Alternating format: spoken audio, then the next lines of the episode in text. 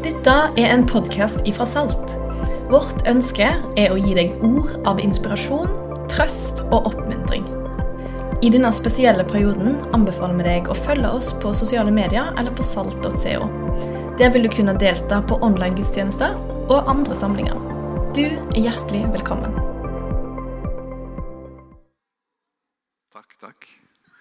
Eh, Det er veldig fint å være her. Eh, eh, Salt er jo også min kirke.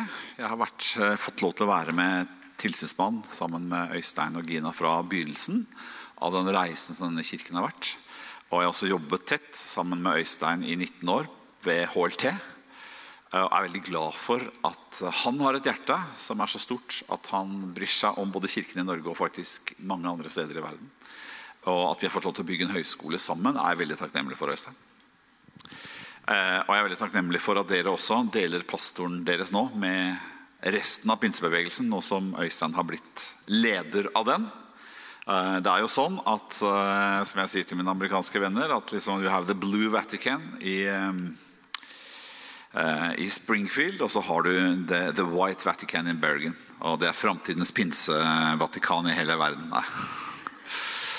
Um, vi skal snakke om verdensbildet, men jeg har lyst til også å be en bønn. Og du kan få lov til å reise deg opp nå, for du skal sitte en stund og høre på meg.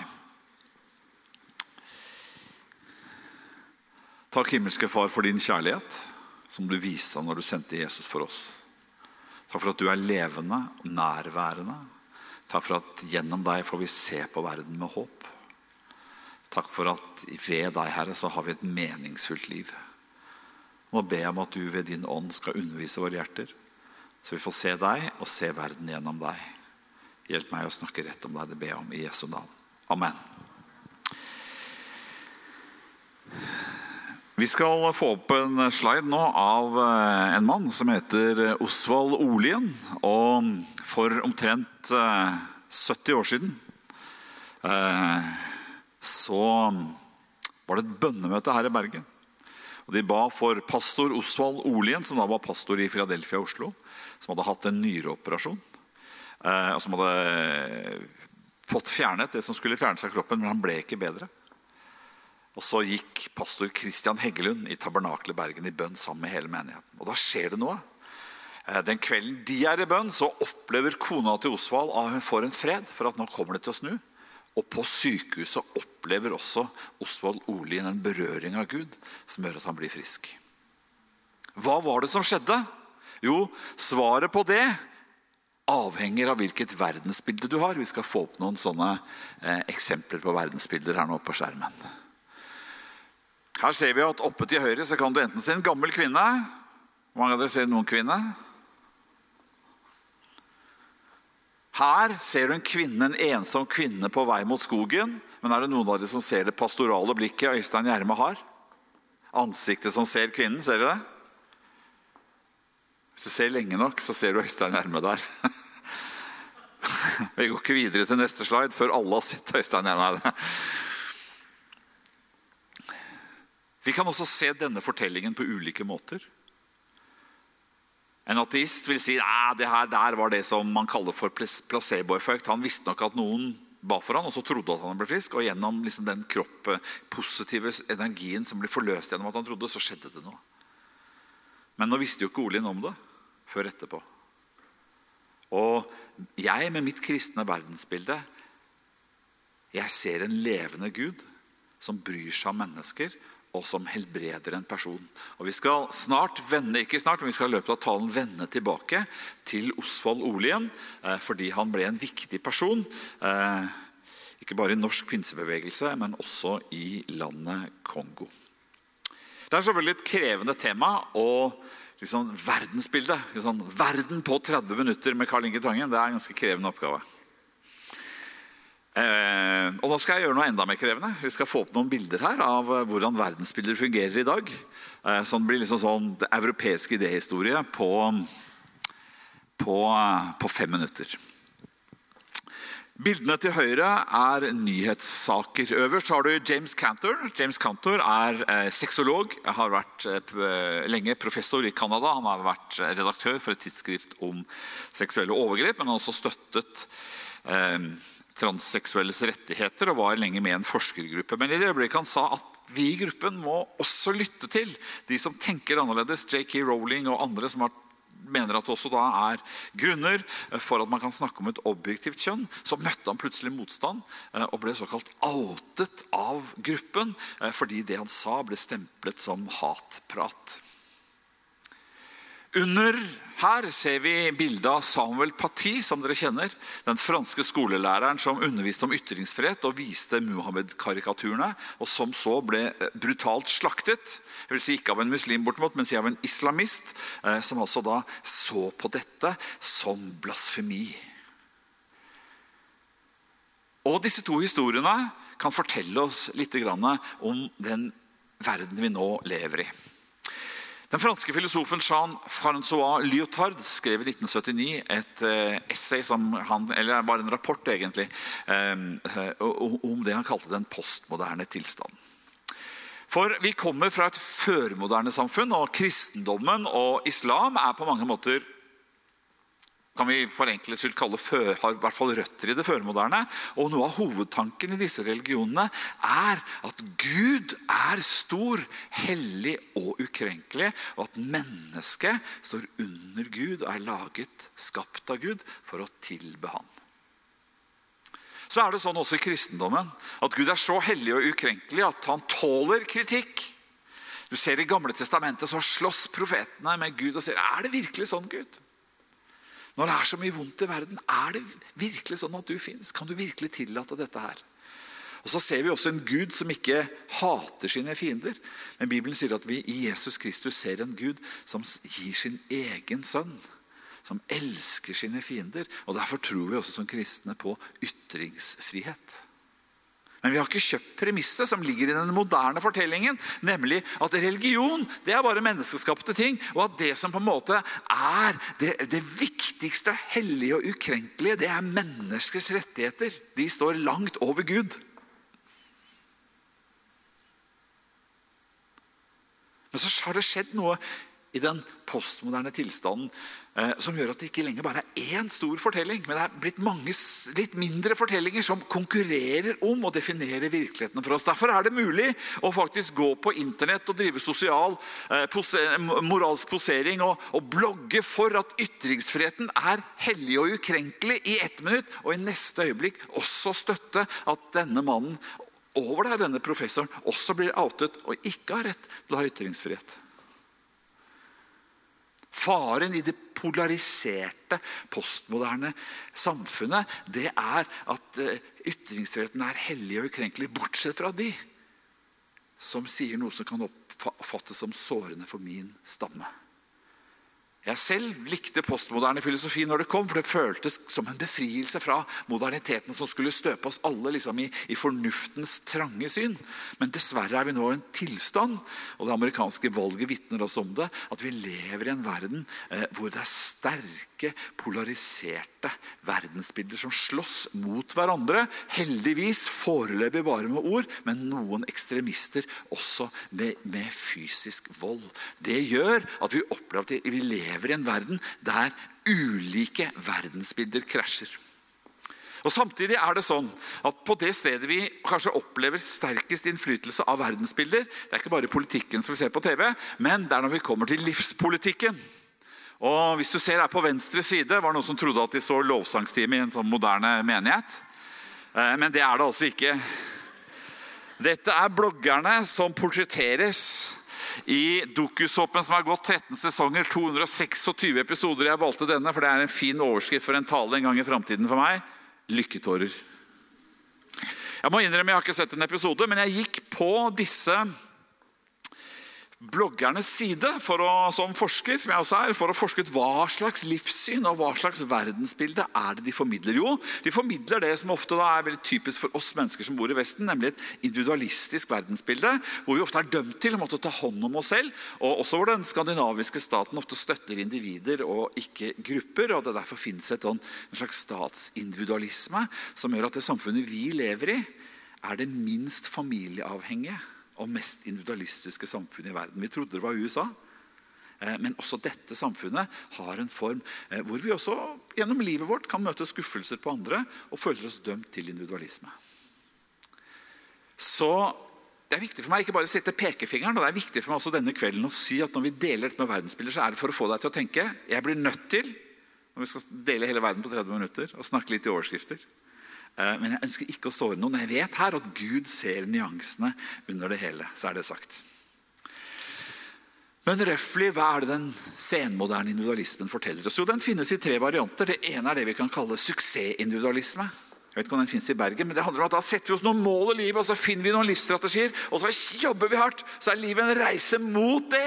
Å lykkes i livet og nå sine mål. Så har du den andre. Det er autentisitetsindividualisme. Og sier at det er ikke så viktig å nå de ytre målene. Det er ikke viktig å se ut som disse eh, bloggerne eller lovsangsteam. eller hva Det er. Det viktige er det indre mennesket. At jeg finner mitt autentiske egentlig selv. Og livet er en indre reise. Jeg kanskje befri meg fra ytre autoriteter, hva foreldrene har sagt, og finner ut hva er, hva er viktig for meg. Hvem er jeg? Og så lærer jeg å elske meg selv og finne mine verdier, den jeg egentlig er. Jeg vet ikke om den fortellingen også fins i Bergen? Det som fort skjer, det er at vi kommer over i den tredje formen for individualisme, som Sigmund Baumann kaller for den flytende individualismen, og som på mange måter følger det som nettopp var eh, motens logikk. For det som var sjokket mitt når jeg begynte å forske litt på disse bloggerne, det var hvordan, eh, tekst, eh, hvordan tekstene var innvevd, selv med reklame. Og det å være blogger og det å være fotomodell var en ganske glidende overgang. i hvert fall hos noen av de. Og Hva da, når den som definerer verdensbildet mitt, også forteller meg det som er markedets logikk?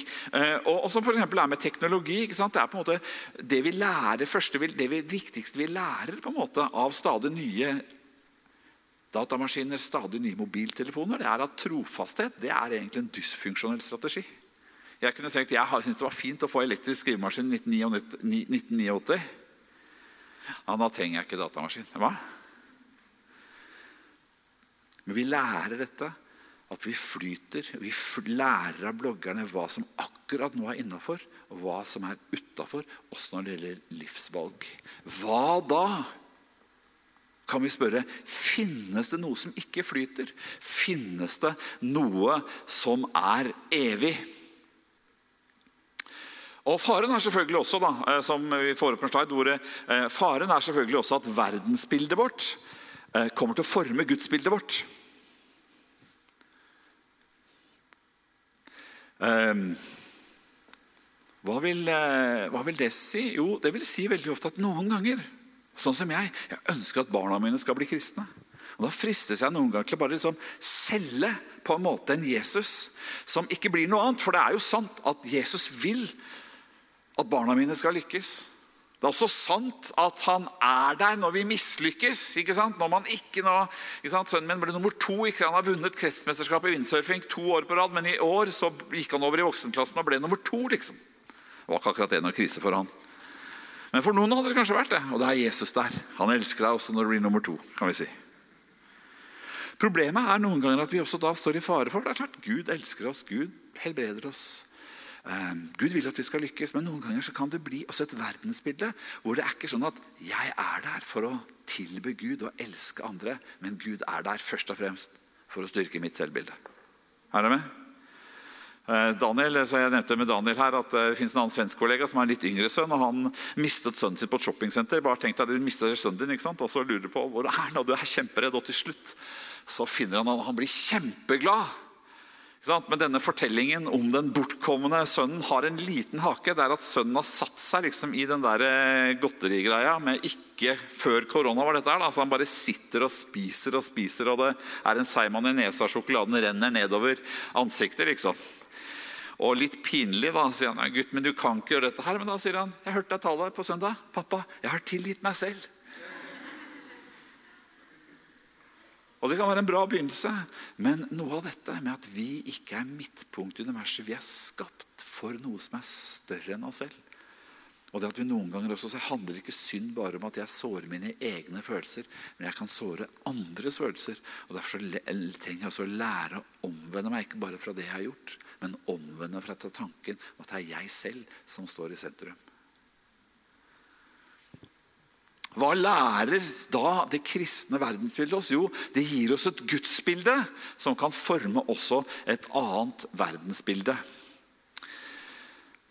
Og Paulus sier derfor i Romerne 12,2 så sier han Innrett dere ikke etter den nåværende verden, men la dere forvandle ved at sinnet fornyes, så dere kan dømme om øh, hva som er Guds vilje, det gode, det som er til glede for dere, det fullkomne. Derfor er det viktig for deg å høre prekenen som dette her. Derfor er det viktig for deg å lese Bibelen på egen hånd. Derfor er det viktig for deg å være en del av kristne praksiser. Hvor vi ikke bare kommer sammen rundt oss selv, men hvor vi er der for å tjene andre. Hva skjer da? Jo, det begynner å formes et nytt sinn. Og vi begynner å tenke Guds tanker om verden. Hva er så et kristent verdensbilde? Og Da skal du få det veldig kort. og Jeg skal bruke siste halvdel av talen på akkurat dette. Det første da spør vi hva er sant? Er sant? Da finner vi i Johannes 1, så står det I begynnelsen var Ordet.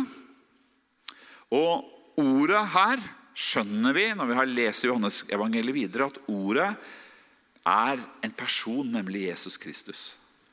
Og Samtidig så bruker Johannes for ordet det greske ordet 'logos', som i stoisk filosofi var verdensfornuften eller den gode intelligensen eller den gode viljen som lå alt bak alt det skapte. Og Jesus er faktisk begge deler, for her står det Ordet var hos Gud, ordet var Gud, han var i begynnelsen hos Gud. Alt er blitt til ved ham, og uten ham er ikke noe blitt til. Det som ble til i ham, var liv, og livet var menneskenes lys. Og lyset skinner i mørket, og mørket har ikke overvunnet det.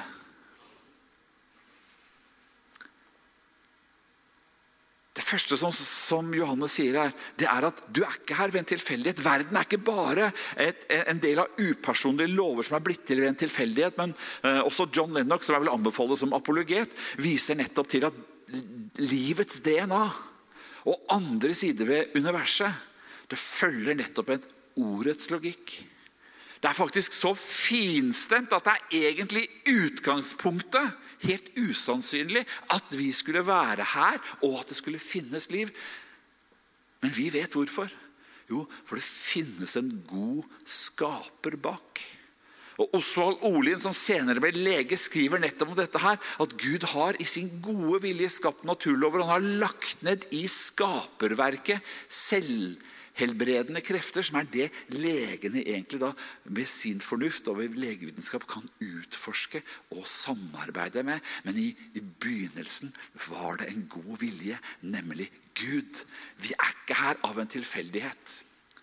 Og Så kommer de gode nyhetene, nemlig at da får vi få opp neste bilde, at Gud i Jesus, denne skapende intelligensen, har blitt menneske og vist oss hvem han er. I fortellingen om at han blir menneske, i fortellingen om at han dør for våre synder. At det er altså noe grunnleggende galt i verden og noe grunnleggende galt med oss som trengs å helbredes gjennom at syndene, vi tar et oppgjør med syndene våre og får tilgivelse og får fred med Gud gjennom Jesus.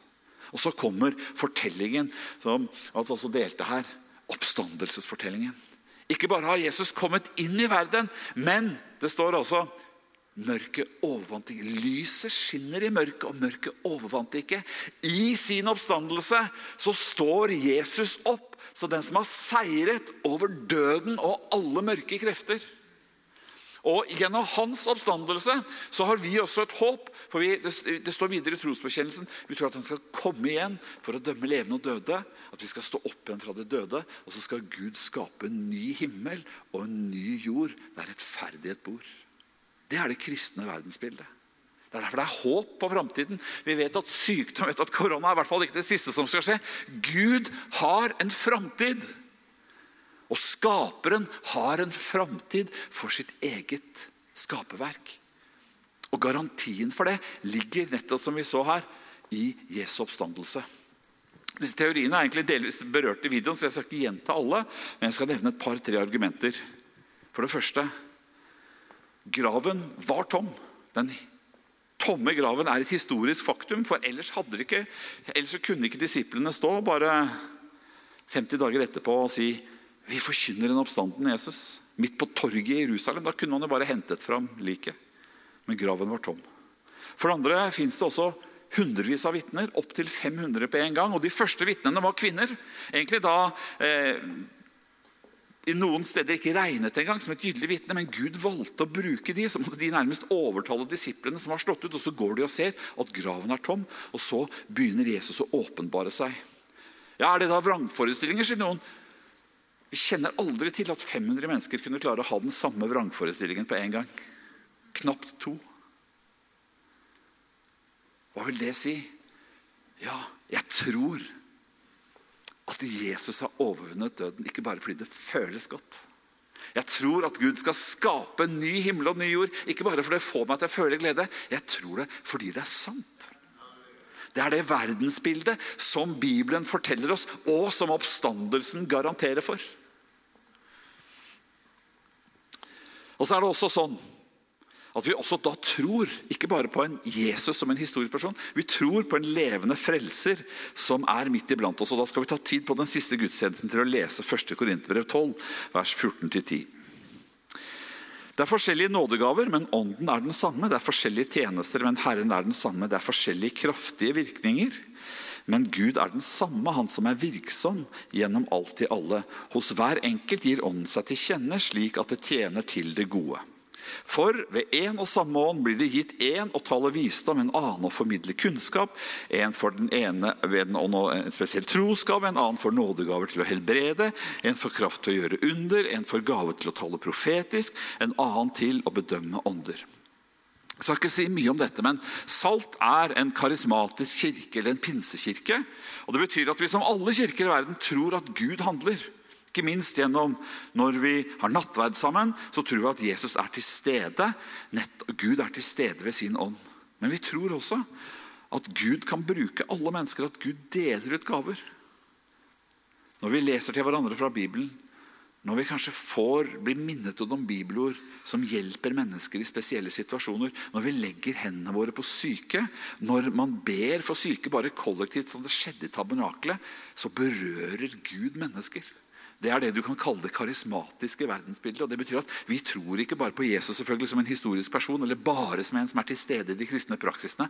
Han er til stede også i din hverdag som en levende Gud som kan gjøre under. Så er det en stor samtale om hvorfor skjer det ikke mer osv. Eh, men at det skjer, er vitner om at en dag så skal han berøre hele jorda. Selv om det vi nå opplever bare er små forsmaker, så er det likevel en levende Jesus til stede midt iblant oss. Det er vårt verdensbilde. Så er neste spørsmål hva er godt? Og I Det gamle testamentet så tegner jo um, så tegnes det en visjon av det gode samfunn gjennom de ti bud. Og så sier Jesus, hva er kjernen i de ti bud? Jo, det sier han i Matteus 22, vers 37-40. Han svarte, du skal elske Herren din Gud av hele ditt hjerte og av hele din sjel og av all din forstand. Dette er det største og første budet, men det andre er like stort. Du skal elske din neste som deg selv. På disse to budene hviler hele loven og profetene. Så her bekrefter Jesus på mange måter Det gamle testamentets visjon om et godt samfunn som er basert på at man elsker Gud av hele hjertet, og at man elsker sin neste som seg selv. Hvorfor kan vi ikke hoppe over det første budet? Hvorfor kan vi ikke la være å tilbe Gud? Jo, problemet er, som en jødisk rabbi sier, at hvis vi glemmer å tilbe Gud, så begynner vi å tilbe hverandre. Og så får vi igjen et menneskesentrert verdensbilde hvor det blir suksess eller det blir noe annet som blir det som hjertet mitt elsker. Men Gud kaller oss til å elske Gud av hele hjertet og elske vår neste som oss selv. Men så kommer Jesus med en kjærlighet og viser en kjærlighet som i syndefoldets verden er nødvendig, og som er enda sterkere. I Matteus 5, 43-44 sier han, dere har hørt at det er sagt, du skal elske din neste og hate din fiende, men jeg sier dere, elsk deres fiender. Velsigne dem som forbanner dere, og gjør godt mot dem som hater dere. Og be for dem som mishandler dere og forfølger dere. I en postmoderne situasjon hvor alle tenker på sin stamme, behøver vi ikke være enige med alle. Vi behøver heller ikke, fordi Jesus snudde det andre kinnet til, men han tok i tu med soldaten han sa hvis jeg ikke har gjort noe galt, hvorfor slår du meg da? Vi bør ikke være en dørmate for andre, men vi kan elske andre, vi kan ønske godt for andre. Vi kan be for andre. Hvorfor det? Fordi Gud har vist oss hvem han er i Jesus Kristus. Og Derfor bærer vi en drøm om en bedre verden, ikke bare for oss selv, men for alle mennesker. Så det siste. Hva skal vi da drømme om?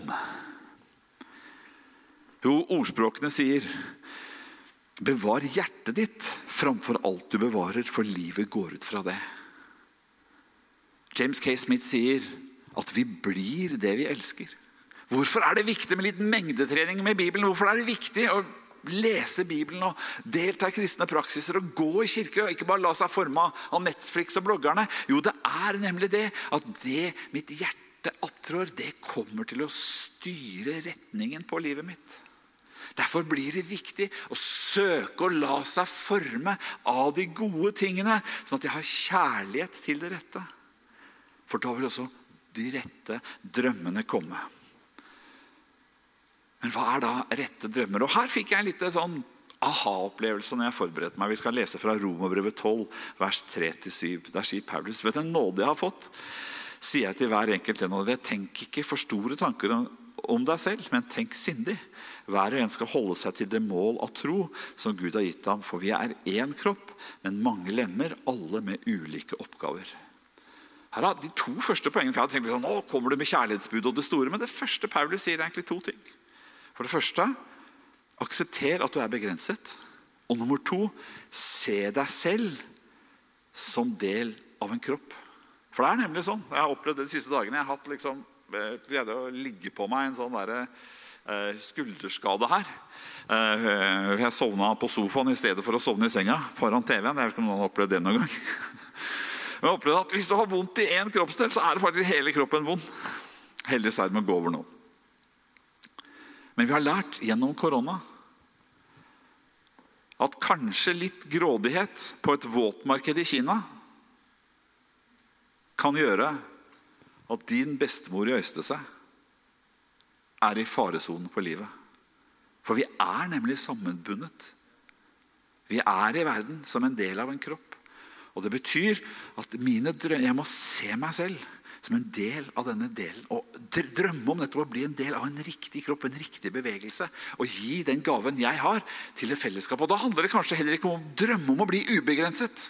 Vår tid handler om nesten å drømme om å bli en seksuali, eh, eh, både seksualitet og såkalt transhumanisme, som ikke har noe med seksualitet å gjøre, men som handler om det verdensbildet hvor vi drømmer om å implantere datamaskiner i vår egen hjerne. Eh, eh, som handler om å, drømmen om å, om å klare å, å, å lade opp min bevissthet på en eller annen eh, i cyberspace. Jeg kan leve evig i cyberspace. Drømmen om det grenseløse mennesket. Men er, og jeg tror Når det gjelder medisinsk teknologi, at vi også skal omfavne noe av dette fordi vi er skapt i Guds bilde og skapt med kreativitet, men ikke et grenseløst menneske. For Hvis alle blir guder, som kan alt fordi vi har fått inn, inn, innoperert lærende algoritmer i hjernen, ja, Da er jo ingen av oss unike og spesielle, da, for vi, jo, vi, kan jo alt, alle sammen. Men det ligger en lykke også i det å være begrenset. Hviledagen, f.eks. Hvis hjertet mitt blir avhengig av suksess, så fristes jeg jo til å maksimere meg selv syv dager i uka. Men Gud har sagt nei, en dag i uka skal du få lov til å hvile og gjøre noe annet. Du skal få lov til å være menneske. Noen ganger så finner vi nettopp meningen med livet er å begrense oss, og vi skal tegne fram bildet til Olien til slutt. Osvald Olien var også leder da, i Philadelphia. Han ble valgt for å være Thomas Baal Barrat, pinsebevegelsens store pioner i Norge, i Skandinavia og i hele Europa. Og så peker de da i det krigsherjede Norge, okkupert av Nazi-Tyskland, så peker man på Osvald Olien. Så blir han denne pinselederen, men så bærer han et kald i hjertet. Og Derfor er det sånn når vi kommer til 1952 at han, han stepper ned. Han går fra å liksom være leder i en europeisk bevegelse til å bli misjonsaspirant og så misjonskandidat. Hvorfor det? For Han hadde et kall fra Gud til å fortsette å være forkynner, men også studere medisin. Og så reiser han ut til Kongo, og så starter han en bevegelse som begynner med at han Planter et sykehus, og til å begynne med er det 250 pasienter og én lege, og det er han. Men etter hvert så kommer det flere til. Norske misjonærer reiser etter, kongoleserne utdanner seg selv. Og Dennis Mukwege, som, for, som for noen år siden fikk nobelprisen Han vokste opp der under, på samme sted som Olien og minnes som gutt. Og han så, han sa, det Olien hadde av empati, medmenneskelighet og nestekjærlighet jeg lærte av at det faktisk hjelper mennesker. Det bidrar til den helbredende prosessen. Jeg så i Olien en person som var villig til å reise seg opp mot urettferdighet. Og så er det i dag født fram en bevegelse som faktisk har vært viktig for eh, østre deler av Kongo, i borgerkriger og i andre konflikter. Så har menigheten og så er det helsevesenet som Olin var med på å bygge opp, det har mangedoblet antallet kristne i forhold til hva, hva han håper å si ledet i Norge. Hvordan skjedde det?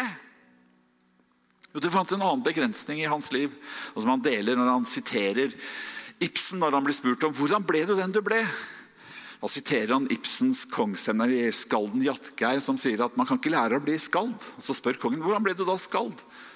Og Da svarer Jatgeir jeg fikk sorgens gave. Og så ble jeg skald, eller poet, som vi skulle si i dag.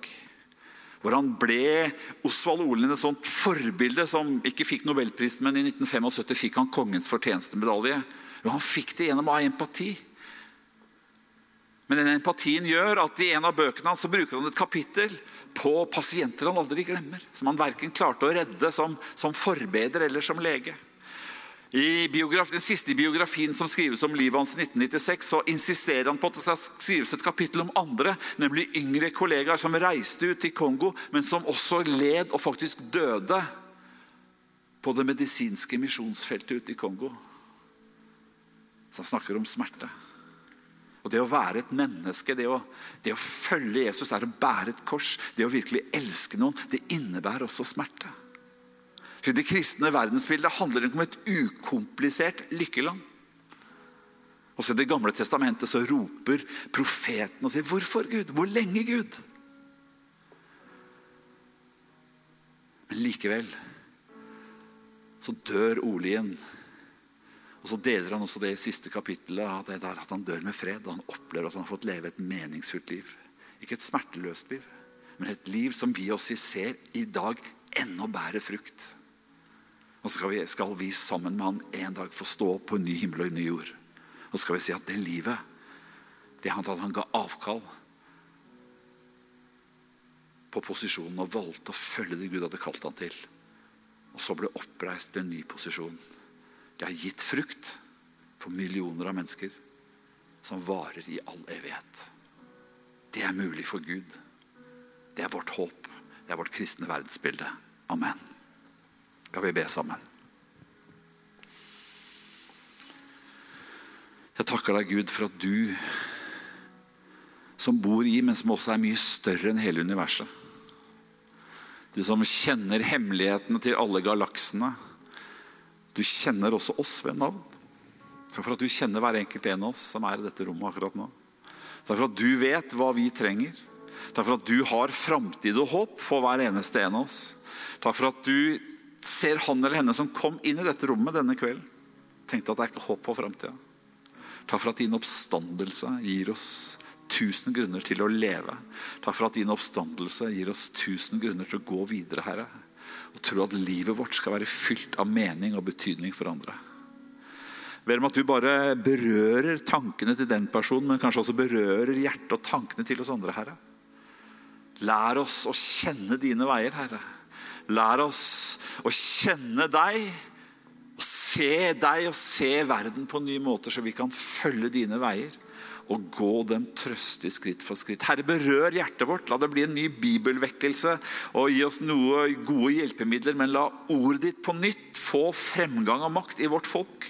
Og i denne kirken så det fødes en bevegelse av mennesker som har sett verden på en ny måte, Herre, og som derfor gir sitt liv i kjærlighet for andre som du ga livet ditt for oss. Hellige Ånd, du som er en levende virkelighet iblant oss, kom og gjør dette midt iblant oss. Og velsign Salt, og velsign alle saltkirkene, og velsign andre kirker i dette landet, Herre. Sånn at vi på nytt får se mennesker som følger deg hvor du er, Herre. som takler smerten ved kjærlighet, men som bærer frukt i evighet. Far, det jeg om i Jesu navn. Amen.